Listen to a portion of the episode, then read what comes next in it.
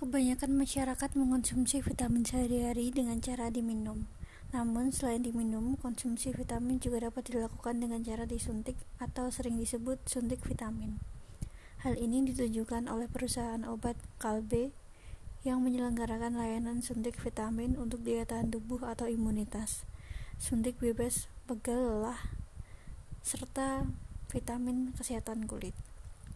Sejak Februari 2021, roadshow suntik vitamin telah dilakukan di Jabodetabek, Yogyakarta, Surabaya, Medan, Bandung, dan akan berlanjut ke kota-kota lainnya dengan berkolaborasi dengan mall atau institusi. Menurut dokter konsultan tropik infeksi RSCM Jakarta, Robert Sinto, suntik vitamin perlu dilakukan meningkatkan kasus mengingat kasus COVID-19 terus meningkat hingga saat ini.